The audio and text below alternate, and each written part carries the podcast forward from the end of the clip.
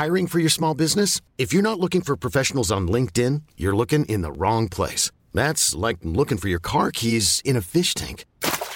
LinkedIn helps you hire professionals you can't find anywhere else, even those who aren't actively searching for a new job but might be open to the perfect role. In a given month, over 70% of LinkedIn users don't even visit other leading job sites. So start looking in the right place. With LinkedIn, you can hire professionals like a professional. Post your free job on linkedin.com slash achieve today. There's never been a faster or easier way to start your weight loss journey than with PlushCare.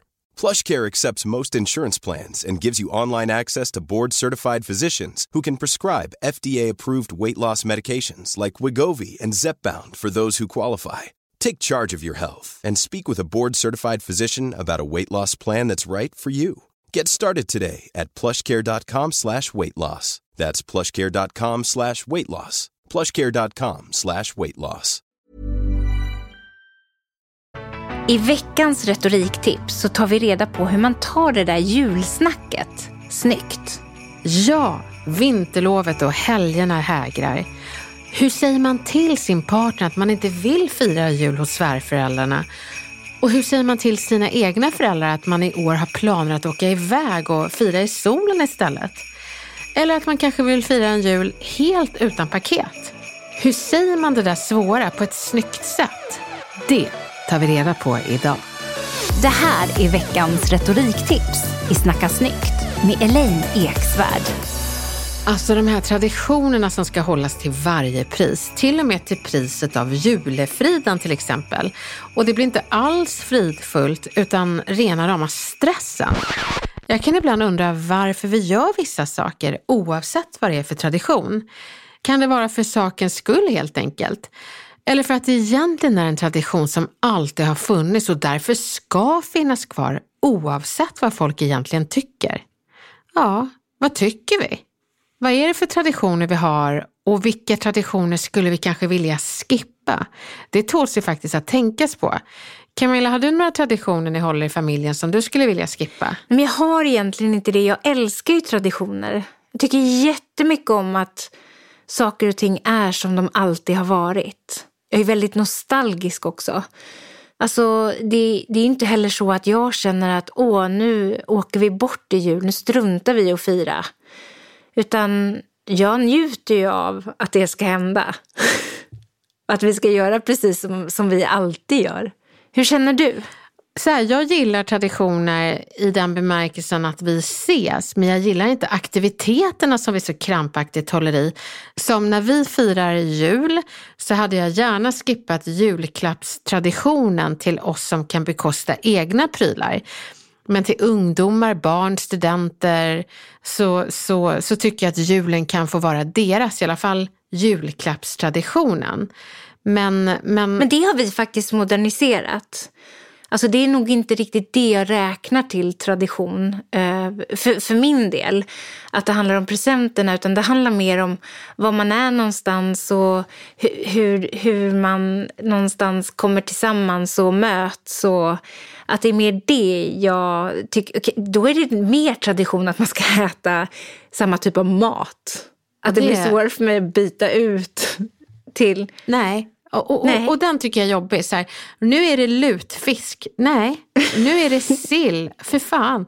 Varför kan vi inte bara käka pizza? Vi, det viktiga är ju att vi är här tillsammans, tycker jag. Eh, oj, nej, nu är klockan två och nu ska vi göra de här marsipangrisarna. Varför det? Nu börjar Kalle Anka. Det är sånt jäkla stress av så här checkschema på allt man ska göra.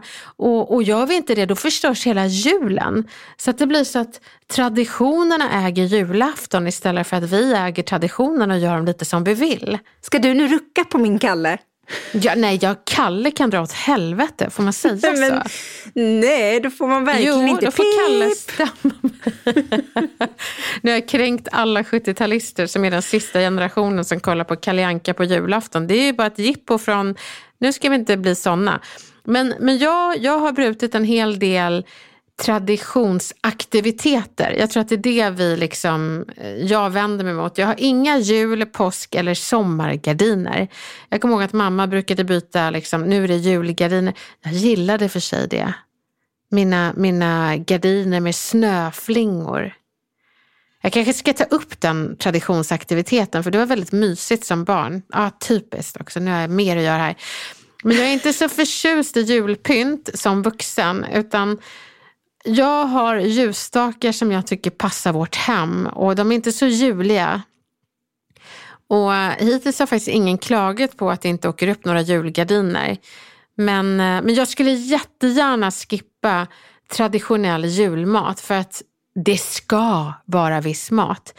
Jag hade gärna käkat sötpotatispommes, omelett, pizza istället för den där traditionella julmaten och den där förbannade Aladdin-asken. Ja, jag är förbannad på det. Det är ju bara 30 procent som är gott och jag fattar att det är juligt att se den.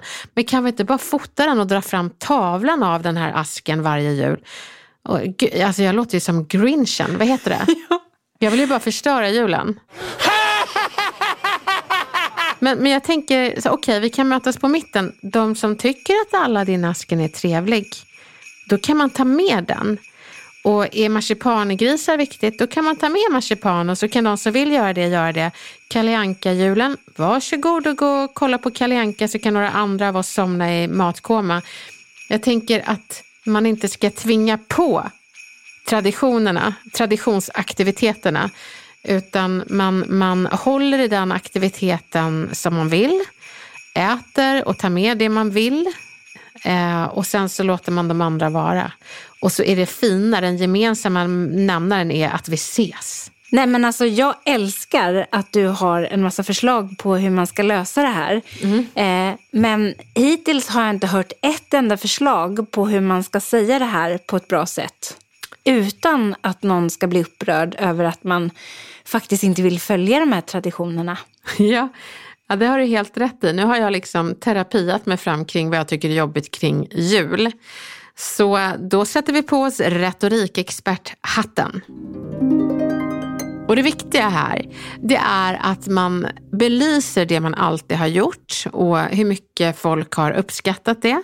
Sen pitchar man fram ett eh, nytt förslag på vad man kan göra istället. Och så avslutar man med vad resultatet av ditt nya förslag blir för hela familjen och hur mycket trevligare den här traditionen kommer bli. Skulle jag sammanfatta den i en mening så skulle det låta så här. Jag vet att vi alltid har gjort, men mitt förslag är för att alla ska få det bra-metoden. Och om man använder den här metoden så kan det låta så här. Jag vet att vi alltid har firat jul hemma hos er. Och jag tänkte att den här gången så lättar vi på bördan och firar jul hos oss. Så att ni får vara gäster och inte värdar, vilket ni är jättebra på. Men jag tänker att den här julen får ni slappna av lite. Och så ska du ju resa bort den här julen också, ja, till solen. Jag ska, jag ska resa bort till solen. Säga det. Hörni, jag vet att vi firade, vi hade en sån himla mysig jul förra året.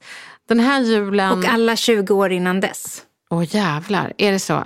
Okay. Ja, du ja. bryter en tradition. Ja, jag bryter en tradition. Älskade mamma och pappa, jag vet att vi har firat jul de senaste 20 åren nu och jag vet att det här kommer göra er besvikna. Men vi har tänkt att vi ska resa iväg den här julen. För jag vill bara att barnen och vi ska få uppleva en eh, jul i eh, varmare breddgrader. Men, eh, så, så det kommer inte bli något julfirande den här gången. Men vi kan ju ta en julfika innan och ha en liten minijul. Eh, vad säger ni om det? Och så nästa år såklart så firar vi ihop igen. Den var ju jättefin. Ja, ja men som en sorts kompromiss. Camilla, tror du att du kan eh, slopa en eh, traditionsaktivitet nu framöver med den här metoden? Det tror jag faktiskt. Jag tyckte att den var väldigt fin rak, ärlig, förklarade och så kom det ju ändå med ett litet förslag på slutet. Ja. Som lite granna ändå räddade upp situationen. Och jag tänker oavsett vad man firar, oavsett vad man har för traditioner, religioner eller vad det nu än må vara, så kan det ibland vara bra att ifrågasätta lite varför upprätthåller vi de här aktiviteterna? Tycker vi det är kul eller gör vi det bara för aktiviteternas skull? Jag tycker att man kan se till att skapa en god och fridfull tradition utan påtvingade aktiviteter. Så jag hoppas verkligen att ni njuter av sammankomsterna men vågar ifrågasätta och ge nya förslag på nya traditionsaktiviteter. Nu har ni ju verktygen för att göra det. Lycka till!